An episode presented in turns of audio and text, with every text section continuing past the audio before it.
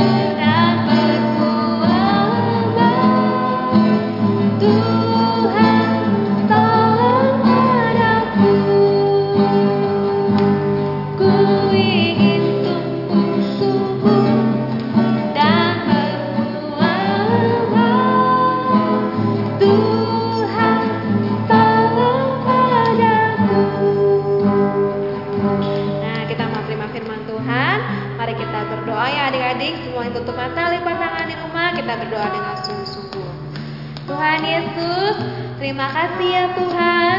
Pagi ini kami sudah memuji nama Tuhan. Sebentar ya Bapak, kami mau terima firman Tuhan, cerita Alkitab agar bisa berguna bagi hidup kami. Tuhan Yesus, tolonglah, tolonglah guru kami yang mengajar kami hari ini. Berkatilah ya Tuhan. Dalam nama Tuhan Yesus kami bersyukur. Haleluya. Amin. Duduk kembali adik-adik. Shalom adik-adik. Apa kabar semua?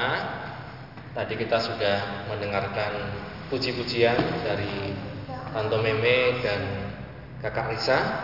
Sekarang saatnya kita akan mendengarkan firman Tuhan. Sudah siap semua?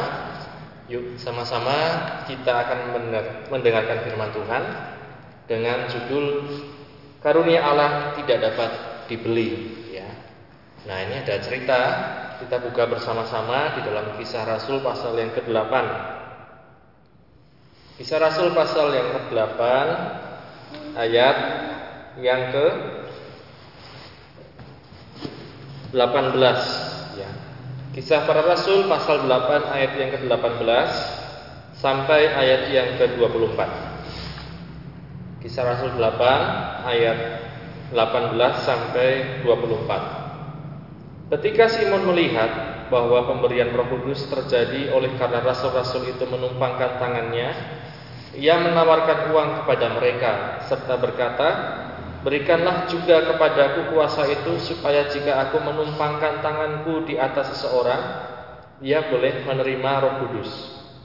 Tapi Petrus berkata kepadanya, Binasalah kiranya uangmu itu bersama dengan engkau, karena engkau menyangka bahwa engkau dapat membeli karunia Allah dengan uang. Tidak ada bagian atau hakmu dalam perkara ini, sebab hatimu tidak lurus di hadapan Allah. Jadi bertobatlah dari kejahatanmu ini dan berdoalah kepada Tuhan supaya Ia mengampuni niat hatimu ini. Sebab kulihat bahwa hatimu telah seperti empedu yang pahit dan terjerat dalam kejahatan. Jawab Simon, hendaklah kamu berdoa untuk aku kepada Tuhan, supaya kepadaku jangan kiranya terjadi segala apa yang telah kamu katakan itu. Amin. Berbahagia kita sekalian yang sudah membaca, mendengar, yang merenungkan dan yang melakukan firman Tuhan. Adik-adik, ada yang pernah dengar kata sihir? Ya. Ini ya contohnya adik-adik ya. Kalau adik-adik melihat ya sihir, wah ini ya keren sekali ya. Nah di sini adik-adik ada seseorang penyihir ya namanya Simon Simon. Simon ini dikatakan dia tukang sihir di ayat 9 ya. Seorang yang bernama Simon telah sejak dahulu melakukan sihir di kota itu dan mentakjubkan rakyat Samaria serta berlagak-lagak ia seorang yang sangat penting ya. Kalau zaman kakak dulu ada film ya namanya Harry Potter. Penyihir cilik ya penyihir kecil yang luar biasa hebat ya. Nah adik-adik di Alkitab pun kita melihat ada seorang penyihir namanya Simon. Dia melakukan sihir dia melakukan banyak hal yang mentakjubkan rakyat. Tetapi kemudian ada hamba-hamba Tuhan yang datang ya datang ke Samaria ya kita melihat di sini namanya adalah Filipus dia membuat Simon ini, seorang penyihir ini menjadi bertobat. Sebab apa?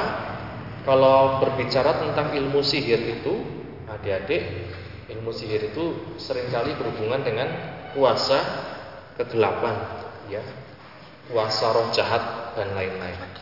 Nah, setelah Filipus datang, Simon ini bertobat. Kita melihat di ayat yang ke-12 tetapi sekarang mereka percaya kepada Filipus yang memberitakan Injil tentang kerajaan Allah dan tentang nama Yesus Kristus dan mereka memberi diri mereka dibaptis baik laki-laki maupun perempuan. Ayat 13 Simon sendiri juga menjadi percaya dan sesudah dibaptis ia senantiasa bersama-sama dengan Filipus dan takjub ketika ia melihat tanda-tanda dan mujizat-mujizat besar yang terjadi ya. Takjub ya. Seorang penyihir yang biasanya melakukan banyak hal yang di luar akal manusia takjub ketika melihat Filipus datang dan dipakai Tuhan mengadakan tanda dan mujizat-mujizat yang besar. Bukan hanya itu, kita melihat ada lagi yang namanya Om Petrus dan Yohanes. Setelah mereka mendengar apa yang dilakukan Filipus, bahwa banyak orang bertobat, Petrus dan Yohanes datang juga ke Samaria. Kita melihat di ayat yang ke-15. Setibanya di situ kedua rasul itu berdoa supaya orang-orang Samaria itu beroleh Roh Kudus. Sebab Roh Kudus belum turun di atas seorang pun di antara mereka, karena mereka hanya dibaptis dalam nama Tuhan Yesus. Kemudian keduanya menumpangkan tangan di atas mereka, lalu mereka menerima Roh Kudus. Nah, luar biasa ya. Dua orang ini namanya uh, Petrus dan Yohanes. Mereka datang ke Samaria, mereka bertemu dengan orang-orang yang bertobat tadi. Mereka tumpangkan tangan dan orang-orang ini penuh dengan Roh Kudus. Ya. Orang menjadi penuh dengan Roh Kudus dengan berbagai macam tanda yang luar biasa, yang ajaib. Ya. Nah ini membuat apa? Membuat Simon juga pengen tukang sihir ini selalu pengen ya. Kalau dia lihat sesuatu yang luar biasa, sesuatu yang besar, sesuatu yang ajaib, dia pengen bisa juga. Di ayat yang ke-18. Ketika Simon melihat bahwa pemberian Roh Kudus terjadi oleh karena rasul-rasul itu menumpangkan tangannya, ia menawarkan uang kepada mereka. Ya. Dibeli dengan uang, coba dibeli dengan uang. Dalam hidup ini adik-adik sudah pernah membeli sesuatu, membeli es krim, ya, membeli permen, membeli apa ya, minuman, makanan kecil, snack, ciki, taro dan lain-lain ya. Membeli pakai apa adik Pakai uang ya.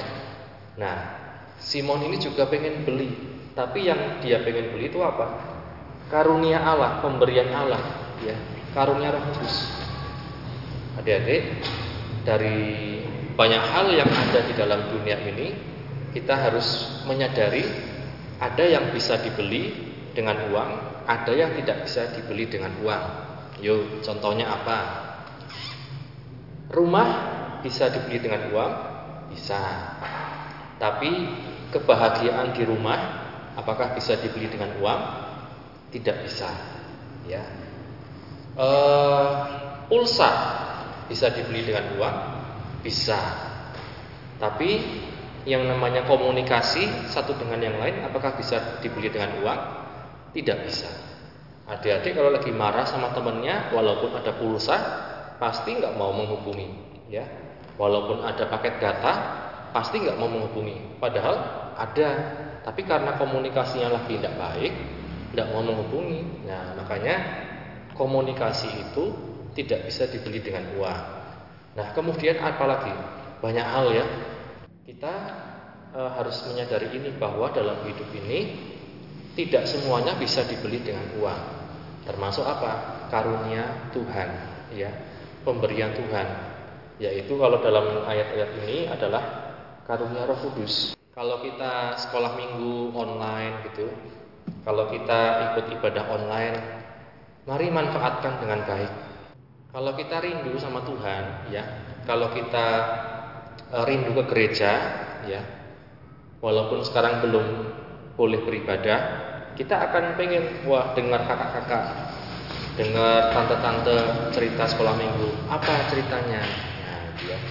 Tapi kalau sudah nggak pengen walaupun ada paket data walaupun ada pulsa kita nggak mau menghabiskan paket data itu untuk apa untuk mendengarkan nah ini perlu kita sadari adik-adik walaupun kita secara online, mari kita menghargai yang namanya karunia Tuhan, anugerah Tuhan. Salah satunya adalah firman Tuhan. Oke, akan ada saatnya adik-adik uang itu tidak bisa berguna apa-apa. Ya, contohnya lagi banjir, lagi gempa, orang punya uang tapi tidak bisa beli apa-apa. Orang banyak uang di ATM tapi tidak bisa diambil, ya. Nah, ayat firman Tuhan juga demikian ya. Ini akan jadi ayat hafalan ya untuk kita sekalian. Buka dalam Amsal 11 ayat yang keempat. Amsal 11 ayat yang keempat. Sudah ketemu? Akan kakak bacakan ya. pada hari kemurkaan harta tidak berguna, tetapi kebenaran melepaskan orang dari maut. Ya. Pada hari kemurkaan harta tidak berguna, tetapi kebenaran melepaskan orang dari maut. Ya. Jadi ingat selalu ya, akan ada saatnya nanti harta itu tidak berguna. Saat kapan? Pada hari kemurkaan. Kapan itu? Entah kapan, ya. Tetapi saat Tuhan datang, ya, saat Tuhan menjemput anak-anaknya, tidak ada yang bisa pakai uang, ya. Tuhan, aku ingin masuk surga, bayar pakai uang, tidak bisa, ya. Tuhan, aku pengen ditempatkan di tempat yang paling bagus di surga, bayar pakai uang berapapun saya ada, tidak bisa. Mari belajar ya, seperti tadi, jangan seperti Simon, dia coba beli karunia Allah dengan uang, ya tetapi itu itu justru tidak berguna di hadapan Tuhan. Ya kita belajar setia pada Tuhan kita belajar terus mendengar firman Tuhan setia ibadah online dan hafalkan ayat hafalannya. Nanti akan ada hadiah dari guru-guru sekolah minggu. Amin. Firman Tuhan sama-sama kita berdoa Bapak, terima kasih untuk firman-Mu yang sudah kami baca, kami dengarkan. Mari Engkau yang mampukan kami anak-anak-Mu Tuhan untuk kami dapat menjadi pelaku-pelaku firman-Mu. Mampukan kami untuk melihat kemuliaan dan kebesaran-Mu ya Tuhan. Anugerah karunia-Mu Tuhan yang tidak bisa dibeli dengan harta berapapun banyaknya. Terima kasih Bapak memberi setiap, memberkati setiap anak-anak yang sudah mendengarkan memberkati dalam studi mereka, memberkati setiap orang tua juga yang sudah mengizinkan kami beribadah Tuhan, memberkati pekerjaan orang tua kami. Kami bersyukur Bapa dalam nama Tuhan Yesus Kristus yang berdoa. Haleluya. Amin. Puji Tuhan. Kita akan kembali lagi di sekolah minggu berikutnya. Sampai jumpa. Tuhan memberkati.